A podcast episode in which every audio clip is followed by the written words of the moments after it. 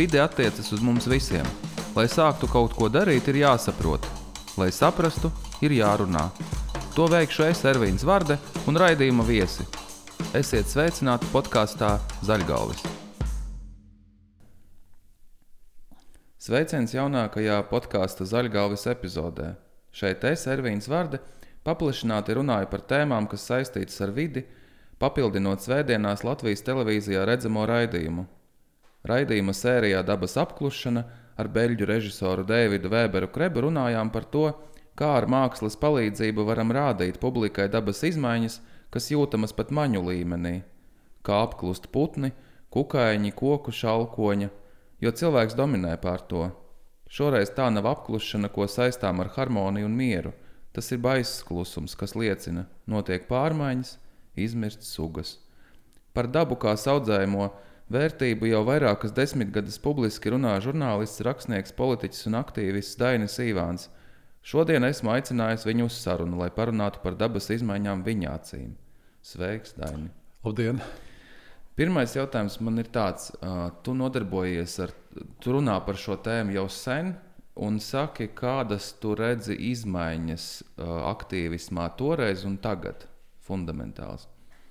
Nu, droši vien, ka tajā padomju sistēmas pēdējā elpas vilcienā mēs kaut kā bijām drusku aktīvāki un satrauktāki par to, jo tā bija tā sveša vara un tas bija drusku vienkāršāk uh, prasīt, lai, lai, lai tā kaut kādīgi mainās. Protams, ka nemainot šo varu, nebija iespējams panākt neko arī vidas aizsardzībā. Tā iesākās arī mūsu cīņa par Daugaus glābšanu, par augšdaugavu. Eh, kas, kur tomēr ir šī dabas daudzveidība šobrīd saglabāta. Pat es domāju, ja es mūžā neko nebūtu izdarījis, es eh, būtu laimīgs un lepns par to, ka, ka tagad var aiziet uz augšdaļu, redzēt tos kukaiņus un augu valstību, kas ir saglabājusies arī ļoti, ļoti reta. Varēt, var dzirdēt tās putnu dziesmas, kas toreiz dziedājušas. Eh, un, protams, ka atgūstot Latvijas neatkarību, mēs esam iegājuši nu, tādā zināmā varbūt skrējienā, sāncensībā. Tā ir ekonomika, mēs gribam dzīvot labāk, un mēs bieži lietojam arī vārdu attīstību. Man sāk šķist, ka mēs šo vārdu lietojam pārāk bieži, nevietā un nepareizi. Jo būtībā kurš vārds attīstība nozīmē resursu iztukšošanu vidas, ja, ja mēs to domājam kā saimniecisko attīstību. Ka tai visai attīstībai vajadzētu būt līdzsvarotai. Un varbūt tas šobrīd ir mūsu sabiedrībā, es nezinu, apātijas dēļ vai kā, kā viss formāli ir pareizi, tiek runāts par vidas aizsardzību, ir, tiek runāts par vidas daudzveidības saglabāšanu, bet nu, tas saimnieciskais spiediens, vēlme patērēt un dzīvot tādā materiālā nozīmē, labāk tā ir tāda visu laiku, laiku dominējošā.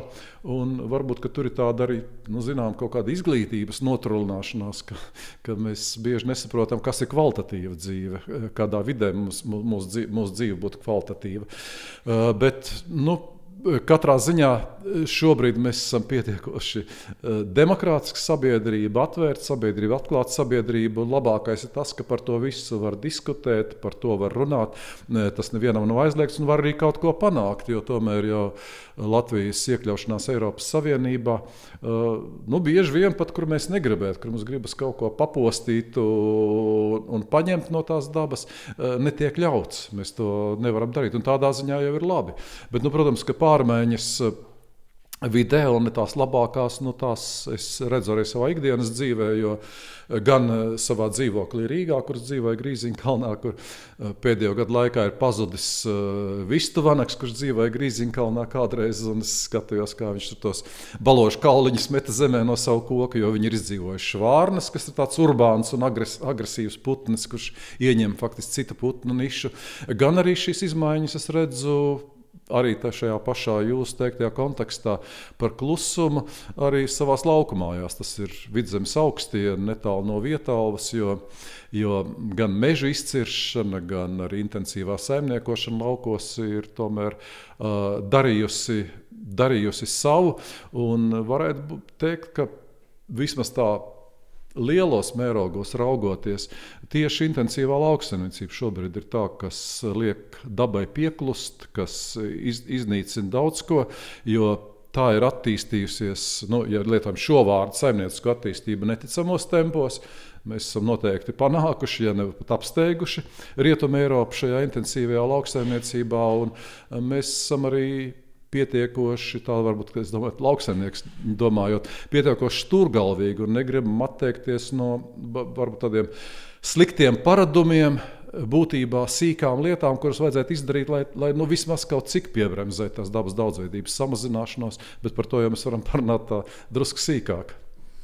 Man šajā aspektā interesē varbūt tā, tā aktīvista portrets, kāds viņš bija toreiz un kāds viņš bija tagad. Ja neņemam vērā to uh, svešās varas spiedienu.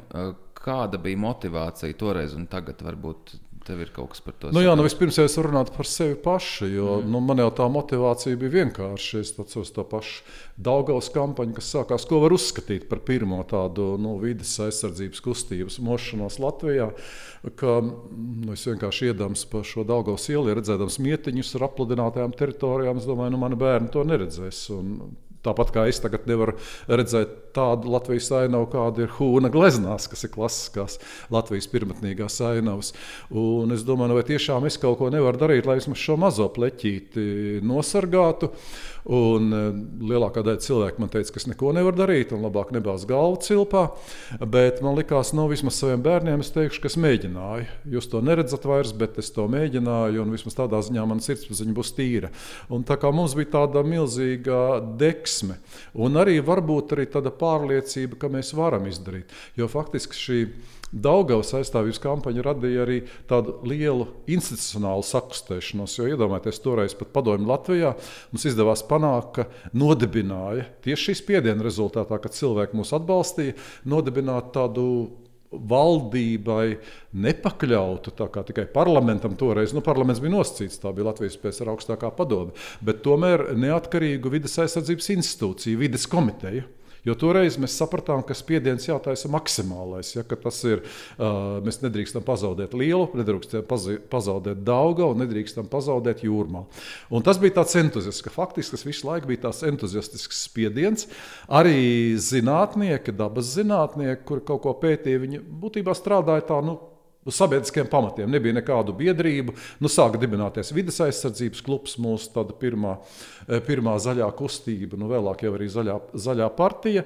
Uh, tagad man šķiet, ka nav tādas uh, nu, pašmotivētas zaļās kustības, ka, ka ir varbūt sabiedrībā izplatīts tāds aprindās daudzās tā mēģinājums dzīvot zaļi. Ja? Bet tas, man liekas, ir bieži vien tāds vairāk tā modes lieta, kas bieži vien ir slikta. Jo, jo daži cilvēki uzskata, ka uh, nu, tikai šķirojot atkritumus, ja, un, un, un, un, un ēdot veselīgu ēdienu, uh, varbūt arī bioloģiski. Uh, bioloģiski audzēt ēdienu, kad ar to arī viss būs atrisināts. Es esmu zaļš, es dzīvoju zaļi.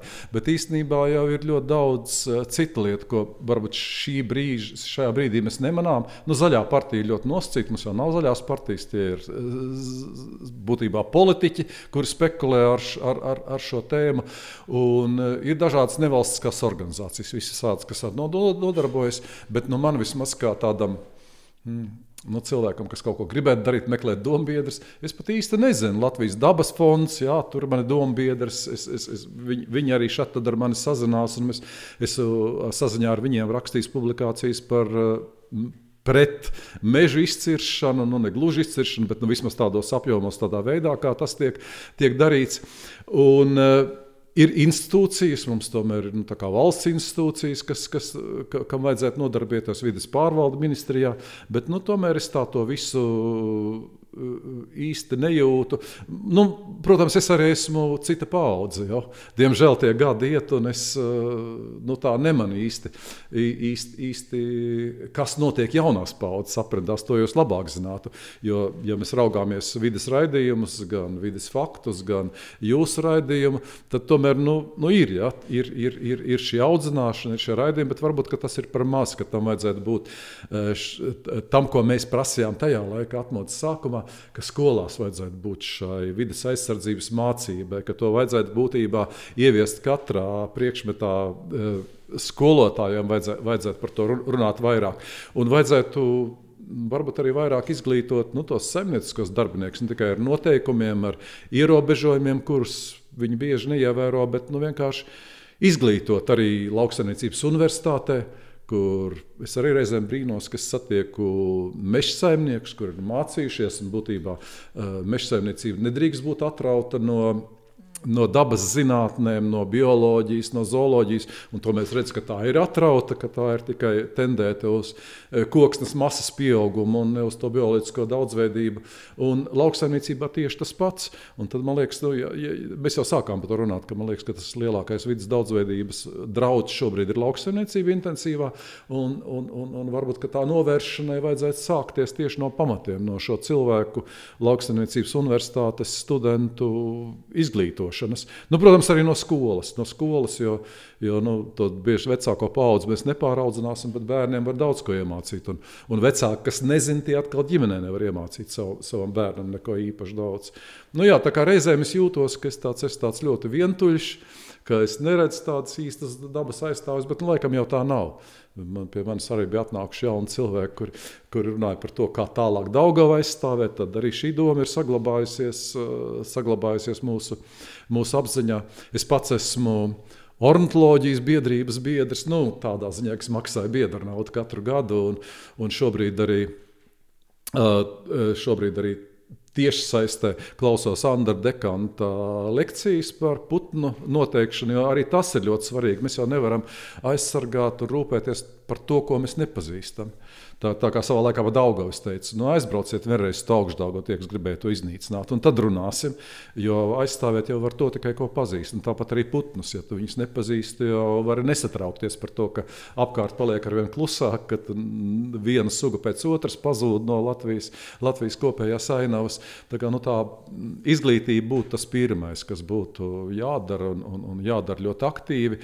Un te, te gan es domāju, ka atkal ir drusku starpība ar to automātu laiku. Nu, mums ir, ja, mums ir brīvi raidījumi, nu, tādi kā uh, mums mediji runā brīvi par to, uh, bet uh, mums nav īsti varbūt tādu zinātniski zinošu.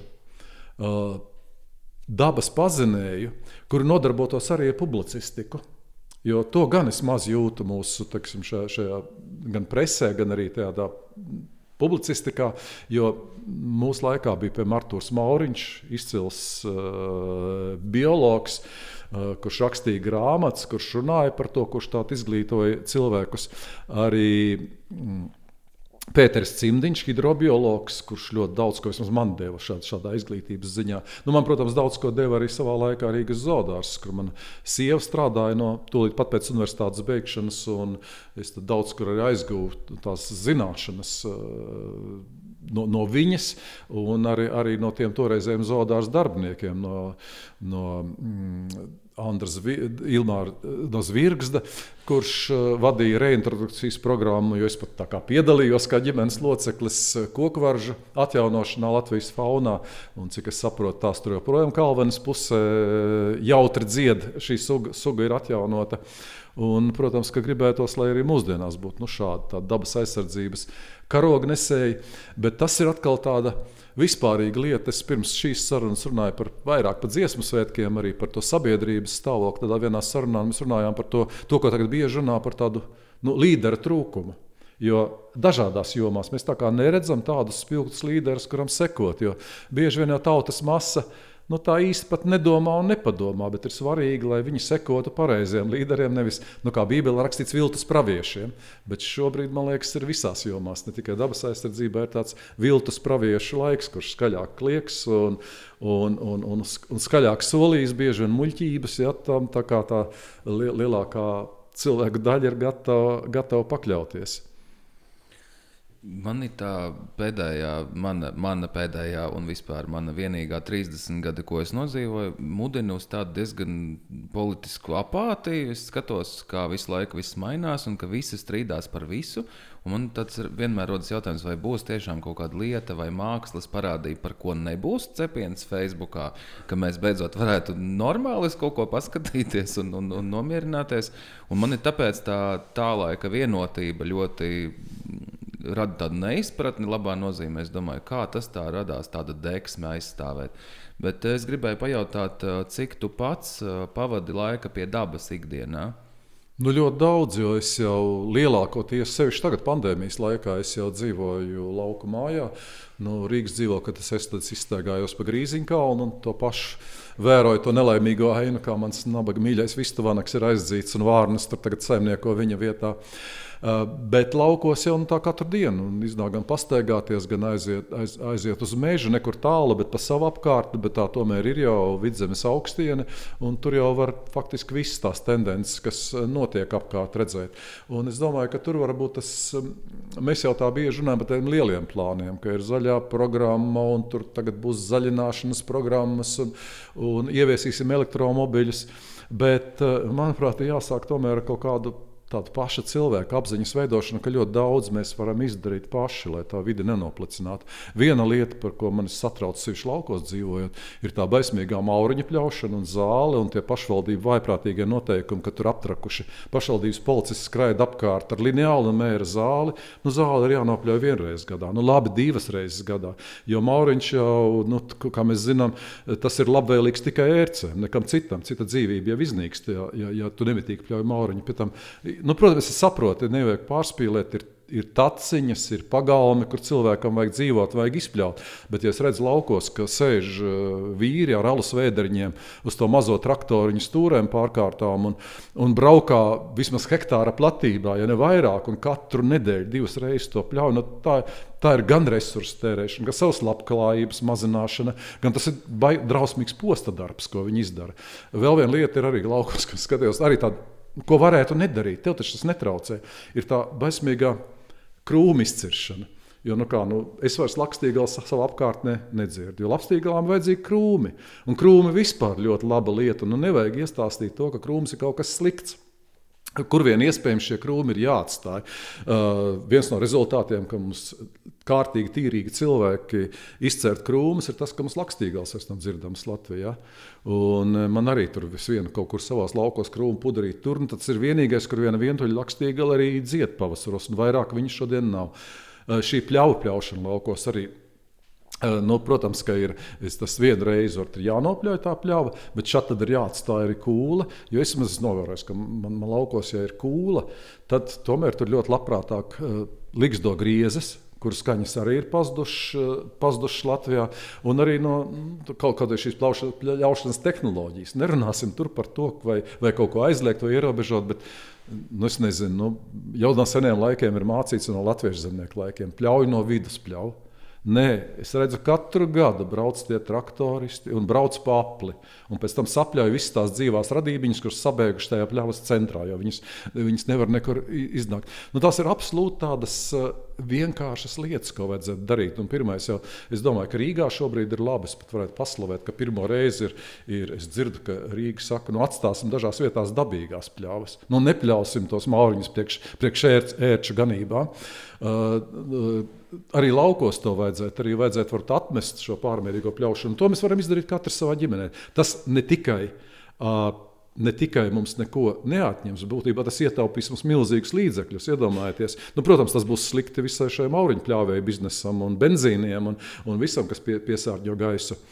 Tāpat arī šī krūma izciršana. Nu, vēl viena lieta, ko es pats laukos daru, arī es tā, tā, tā, tā redzu un ievēroju. Es, es piemēram, nekad nededzinu zarus un krūmus, ja kaut ko man kaut ko vajag patīrīt pie pagalma, tur, kur man pašam jāsteigā. Mēs vienmēr krūmus liekam kaudzīties. Liekam kaudzīties, jo tā ir kolosāla dzīvotne krupīšiem, eh, maziem zīdītājiem. Eh, tie krūmi ir vajadzīgi, tās krūmu čupiņas. Mēs izdarām to eh, lauksaimniekiem. Es arī skatos, tagad viena tendence ir, ka tagad ir uznācis, ka rapšu audzētāji, nu par rapsi tas būtu īpaša saruna, un, un, un šoreiz tā tā, tā mums nav laika šajā īsajā uh, sarunā. Uh, bet gan apšaudzētāji, gan labības audzētāji šobrīd ir kaut kāda milzīga tendence no laukus līdz ceļa malai. Neatstājot man ež, ežmalīti. Nu, tur jau tā dzīvība vēl varētu patvērties. Nu, viņš neko nezaudēs. Viņš nezaudēs nekādu eiro, ja viņš atstās šo mazo strēmelīti. Bet man, man laukos pat skaties tā, ka pat no ar ceļu. Es pat nevaru pabraukt garām, jo, jo viņiem liekas, ka jāno, jāno ir pilnīgi viss. Vēl viena lieta, nu, jā, es, es runāju par tām sīkām lietām, ko katrs varētu izdarīt. Un, un tā, tas nav ēšana vai, vai, vai ēšanas paradumi. Vēl viena lieta ir arī mājdzīvnieki. Arī to mums nopietni vajadzētu padomāt. Ja, es kaut kur lasīju tādu statistiku, ka Latvijas ir pirmā vietā ar mājas kaķu populāciju uz iedzīvotāju skaitu. Nu, tas ir īstenībā vājprāts. Nu, nevajag mums tik daudz tos kaķus. Nerunāsim par to, ka mēs ļoti daudz resursu iztērējam tos kaķus uzturot, bet nu, kaķis ir plēsējs. Nu, ja tu turi to kaķi, nu, tad tur ir viņa dzīvoklī. Nu, tu nelaidi viņu klaiņot apkārt. Nu, labi, man arī laukos ir kaķis, bet viens uz visu sāģi, kur dzīvo vairāk cilvēki. Un mēs arī drusku pieskatām, lai, lai viņš eh, iet ārā pa nakti medīt, kur viņš kaut kādas spēles nobadīja, bet viņš lai nesteig apkārt dienā, sevišķi tagad ziemā, kad man ir putniņu barotavs, jo viņi tos putnu, putnus kampj nost. Nu, arī veco koku atstāšana, kokus cērtot. Jo to, ko es esmu novērojis laukos, arī atkal šī saruna pa klusumu. Nu, pie putnu barotavas man jau tagad jau kāds divus, trīs gadus lido tikai zīlītes, zvirbuļi, zaļžobītes, svilpi. Nu, arī nav slikti, ka lido, un tas ir prieks, bet uh, dzilnīši, bet es vairs neesmu redzējis nevienu gadu dzeņus ne vidējos. Vienu brīdi bija dižraibie, dižraibie pazuda, tad sāk lidot vidējie dzeņi. Vidēji dzeņi arī tagad ir pazuduši. Nu, šogad vienu, divas reizes spēlē kā dzīve atlidoja.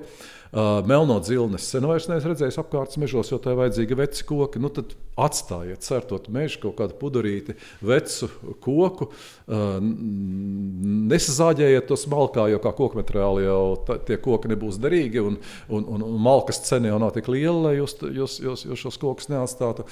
Nu, tādas visādas sīkas lietiņas, ko mums vajadzētu varbūt savā, savā dzīvē ievērot. Jo reizēm jau ir tā, ka pesimisms pārņem, ka pasaule iet uz galu mēs eh, paši sevi iznīcinām, mēs vairs nepazīstam to vidi, kurā mēs, eh, mēs, mēs, mēs dzīvojam. Eh, bet nu, nu, tādas domas, ka nevar izdarīt, man nav. Es to nepieļauju. Es domāju, ka tomēr ir jācīnās un, un, un, un, un, un kaut kādā veidā ir. Ir, ir, ir, ir jāpacīnās gan par tiem kokiem, gan par dabu, gan par alejām, kas, kas, kas Latvijā ir, gan par, gan par ūdeņu nepie, nepiesārņošanu. Uh, un, un, un tā jau mēs varam izdarīt ļoti daudz. Man liekas, ka katrs cilvēks, ja viņš sāktu par to domāt, ka viņam tas neko nemaksā, ka viņš no tā tikai iegūst, tad jau arī, ar, arī globāli kaut kas uh, noteikti mainītos. Jā, par, par pārmaiņām un par, uh, par to man te pierakstīts, ka kolēģi bieži piemin, ka tu esi ekofeminists. Vai tu varētu izstāstīt, kas ir ekofeminisms un vai tu esi ekofeminists? Es īstenībā nesaprotu šo, šo vārdu, kas ir ekofeminists. Tas tā kā es eh, pārāk kategorisks esmu.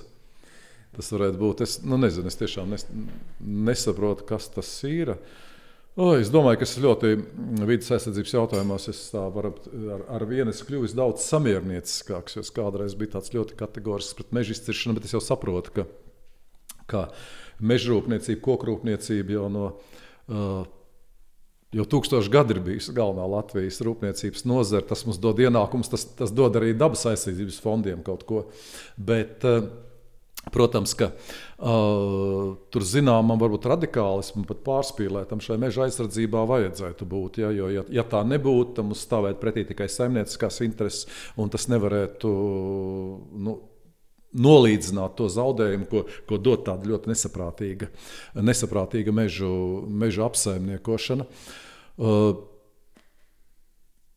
nu, feminists cīņa par kaut kādu Sieviešu tiesībām, jā, bet. Nu, Šis man likās, es pats jā, jā, es, es arī ne, ne, nemāku nodefinēt, kas ir mm. ekofeminists. Man liekas, runa ir par kaut ko, kas ir. Uh, plašāks par, par sieviešu tiesībām un, un tam līdzīgi, un ka ir kaut kādi principi, kurus varētu ieviest arī vidas aizsardzībā. Bet, jā, es, nu, jā, es man... tie, nu, tā arī es, es tā domāju, ka to vajadzētu. Bet es jau tāpēc arī šī garā saruna mums bija, ka tas ir, tas ir tomēr sākams ar izglītību. Un, un izglītībā gan, diemžēl, jā, mēs jau tagad pandēmijas kontekstos ļoti labi uzrādījām, cik nu, īstenībā mēs dzīvojam tumsonīgi, ka mēs esam nonievājuši dabas zinātnes. Man liekas, ka Egīls Zirnis vienā no sestdienas numuriem bija ielicis tādu skaistu anekdoti anekdoti, ka cilvēkiem, kuri nav mācījušies fiziku, vai skolā nemācās fiziku, nemācieties tikai fiziku un dabas zinības, un pasaule jums liksies brīnumu pilna. Ja, tad, nu, tas, ir, jā, tas ir absolūti zināšanu trūkums. Tas ir prasmes un iemaņas, ko cilvēkiem mēģina iemācīt, it kā, it kā lai viņi varētu funkcionēt dzīvē, un tajā pašā laikā šis cilvēks kļūst briesmīgs, jo viņš jau vairs neizprot kaut kādus uh, pamatlikumus. Viņš tic šarlatānismam, viņš tic astroloģijai, viņš, viņš tic visādiem brīnumiem, sazvērestības teorijām, bet viņš nezina, kā šī pasaule darbojas. Un, un, uh, mēs ar sievu kādreiz rakstījām, un vēl zooloģiskā dārza darbiniece, viena Daiga Lēmana, kopā tādu grāmatu, mans mīļākais zooloģiskās dārzs par Latvijas zooloģiskā dārza vēsturi. Un tur man bija iespēja.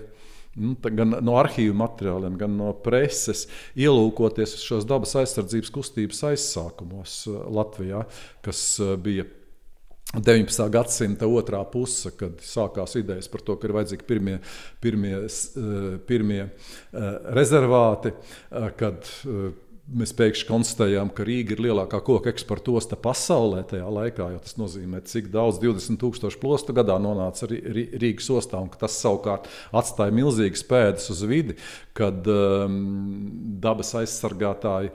Uh, piemēram, Štols, mūsu būtībā dabas muzeja pamatlicējs, faktiski var teikt, ka uh, viņš, viņš, viņš runāja par to, ka ir jāaizsargā arī tādas lietas kā stabureks, uh, kas, kas ir geoloģisks objekts un arī ar, ar, ar, ar, ar savu vidi. Un, Un, un tad es arī skatījos, ka redz, tie cilvēki arī bija tālredzīgi, cik viņi bija entuziasma pilni, bet viņu darbība bija balstīta dziļās zināšanās. Nevis priekšstatos to, kā jūtas mans suns vai kaķis, vai, vai, vai, vai, vai, vai es esmu vegetārietis vai vegāns, vai es esmu vēl kaut kas, ja? bet nu, absolūtās dabas zinībās, eh, toreizējos zinātnes sasniegumos, kas, kas jau daudz bija pamanījuši un ieraudzījuši likumsakarības, ka, ka jau tad samazinās putnu un dzīvnieku sugas. Tajā laikā, starp citu, Latvijā nebija bebru. Nu, bebru mums tagad ir pietiekoši. Nebija meža cūka, jo viņas visas bija uzšauts. Arī meža cūks mums, ta, mums tagad ir. Tā kā ir iespējama arī tā atgriezeniskā, atgriezeniskā evolūcija, un to jau bieži rada tās visdažādākās dabas aizsardzības programmas. Bet te arī es domāju, ka ir tā.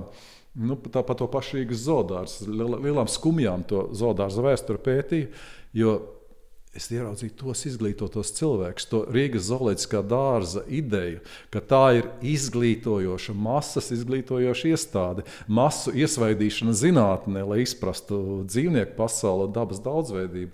Nu, šobrīd mums tā kā bieži vēl, nu jā, tur aiziesim un paskatīsimies, kā tie dzīvnieci tur ķēmojas. Un pabarosim. Jā, un pabarosim, jā, kas dzīvniekiem ir kaitīgi. Ko mēs arī bieži nesaprotam, ka, ka tas, kas mums liekas labi, ja, tas ir dzīvniekam ne, nebūtu nav labi.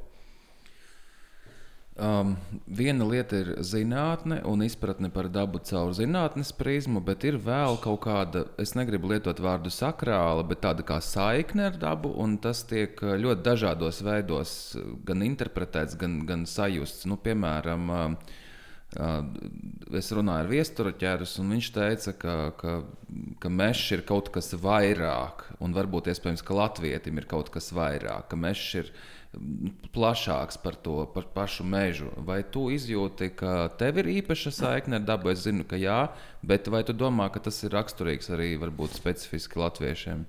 Latviešiem noteikti, jo, nu, ja mēs palūkojamies vēsturē, tad uh, Latviešiem vismaz pat meža bija. Mežs tika dievināts, un ir tas slavenie stāsti par tām visām ozolu birzīm, ka, ka, ka Latvijas tomēr ir palūdz dabas spēkiem atdošanu, ja viņš kaut ko spēja nocirst, un arī to, kā šīs eh, svētbirzes un ozolbirzes ienācēji centās iznīcināt, jo, jo, jo, jo tas spēcināja Latviju. Nu, tā saikne ar dabu jau vienmēr mūs spēcina. Jā, man ir, ja es, tā, es neesmu reliģiozs cilvēks, un, un tāpēc man, bet, bet nu, tā, ka ir kaut kāda likuma, kas valda pār mani, tas pilnīgi skaidrs, ja, ka es jau esmu tikai viena maza daļa tajā milzīgajā kosmosā, un tad man liekas, ka daba ir tas lielais spēks, kurš sajūt to dabas klātbūtni, zinātni. Un, un es zinu, ka es nevaru iet pret dabu, ka man tomēr ir. ir, ir, ir es nevaru vadīties pēc padomju cilvēku morāles kodeksa, ka, ka, ka mēs ņemsim no dabas tik, tik, tik, tik cik mums vajag. Ka mums vajag tomēr arī. Nu, ši, šis gadījums nevis iet pret straumu, bet peldēt tajā dabas straumē, sajust to dabas straumu un to dabas uh, spēku. Un to jau ir tagad tā arvien mazāk iespēja, iespēja izjust un, un, un, un izbaudīt. Jo, jo tās ainavas, nu, kaut vai ainava jau ir Latvijam, jau ir ārkārtīgi svarīgi, kad viņš iedomājas Latviju. Viņš iedomājas to Latvijas ainavu. Tas ir nu, vai nu zaļa, vai tā kā tagad tā ir balta, bet tā tomēr ir apmežota. Tā ir, nu, faktiski nav urbāna aina, izņemot mūsu tādas priekšstats par Rīgu un tādām uh, skaistām Latvijas pilsētām, senatnīgajām.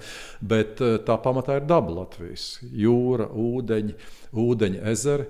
Tad mēs varam paskatīties, kā tomēr gadsimta gaitā, nu, vismaz tās hūna gleznās var to redzēt, uh, un, un tagad jau ar fotografijās Latvijas laiku un šodienas skatīties, kā daba un vidi ir pamazām degradējusies un mainījusies, un tā jau veido arī mūsu to nu, psihi, arī mūsu, mūsu domāšana. Jo, jo, jo tāpēc jau ir vajadzīgi. Es jau domāju, ka rezervāts, nu, ja mēs runājam par to dabas pieslēgšanos dabai un dabas pielūgsmi, ka faktiski rezervāts jau arī ir tā svētbirze. Jo arī svētbirzes būtībā uzdevums jau bija kaut ko pasargāt, nobremzēt cilvēku tajā nesātīgajā kārē kaut ko paņemt un, un sagrābt sev. Un tāpat jau šobrīd arī mēs varam uztvert. Mēs esam zinātniski pamatojuši, kāpēc dabas daudzveidības uzturēšanai vajag rezervātus un aizsargājumās teritorijas, bet faktiski jau mūsu psiholoģijā viņiem būtu jāpilda šī svētā. Nu, kontakta loma ar mums un, un, un, un, un visumu. Nu, jā, to, to mēs arī bieži mēs iz, iz, izskaidrojam kā tehnisku kategoriju, kaut arī tā nav tehniska kategorija aizsargājumā dabas teritorijā. Tu minēji par vairākām lietām, ko tu dari ar tiem zariem, ar to pļaušanu un nepļaušanu, bet saki, vai ir vēl kaut kādi paradumi ikdienā, kurus tu veic, domājot par ilgspējīgu dabas izmantošanu vai dabas, par dabu? Nu, daudz jau tādu lietu nav. Mums nav iespējams. Mēs esam mūsdienu cilvēki, mēs aizējām uz veikalu.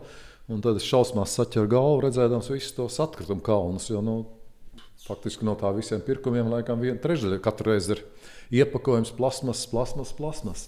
Tā kā mēs, protams, cenšamies. Es domāju, ka to, to es dzirdēju, ka jaunieši dara tagad. Ka, nu, nopirkt kaut ko beram veikalā un, un ņemt vai nu pēc iespējas lielāku iepakojumu, lai nebūtu daudz mazo iepakojumu un plasmas skārbiņu. Šķirot, protams, to, nu, jā, to arī mēs, mēs mājās darām, šķirojam.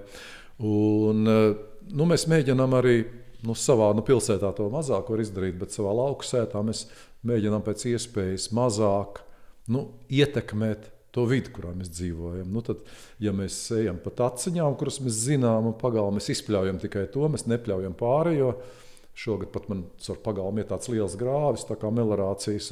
Es katru vasaru viņu reiz izpļauju, šogad es viņu nepļauju. Es zinu, kas tur nenotiks. Es nepļaušu, nopļaušu nākošais gads. Tur būs uh, kaut kas, tur tomēr varēs aizķerties kaut kādas, uh, kaut kādas sugas. Nu, kaut ko mēs, es mēģinu stādīt no meža nesu un bakstu koks iekšā. Un tajās vietās, kur kur, kur, kur varbūt pļavas, kas man nav vajadzīgas, mēģina jaunradīt tos kokus un kompensēt to, ko citi, citi tajā brīdī, eh, brīdī nocert. Nu, mēs arī mm, nesen dzirdam, ka tīram sniegu ar kaimiņu, un kaimiņš saka, nu, es vairs nevaru, es pirkšu sniega pūtē. Nu, priekš kam? Priekš kam tev to vienu taciņu izrakstīt sniega pūtei? Es viņu mēģinu atrunāt, lai viņš tādas lietas nedara, jo, jo, jo, jo varbūt tev nevajag tik daudz to sniegu, rakt izrots vienu taciņu, bet tomēr dara to ar lāpstu. Tā kā man šausmina arī tas nemūžam to nedarīt. Ja? Es nepirktu to lapu pūtei. Nu, tas ir īstenībā kaut kas briesmīgs. Tas sevišķi Rīgas pilsētā. Iedomājieties, iztērēta milzīga nauda lai piesārņotu gaisu, lai piepūstu cilvēkiem uh, ausis ar skaņām briesmīgām pilsētā celtu putekļus.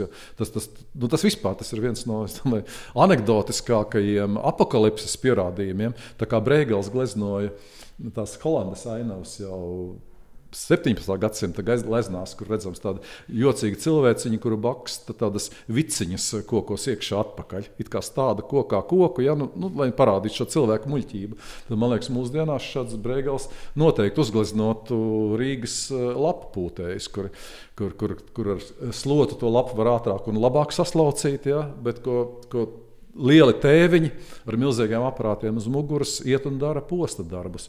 Pie tam arī nu, tad, nu, viena lieta, arī citu, tas, ko es daru, un to es arī varu ieteikt Rīgas pašvaldībai. Kaut gan tur ir arī saprātīgi cilvēki parādījušies, cik es dzirdēju, kas par to jau runā. Ka nu, nevajag tās lapiņas nokast. Es savu bērnību atceros, kā zelta lapu klājienu. Visas dziesmas bezjēdzīgas, šīs lapas nenokrita, mēs viņas neredzam.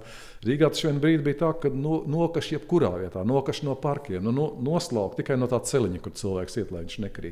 Un, ja tev ļoti gribas, tad uh, savās tās lapas pavasarī, kad tās atdevušas kaut kādu savu enerģijas daļu, ir, ir, ir uh, zemē.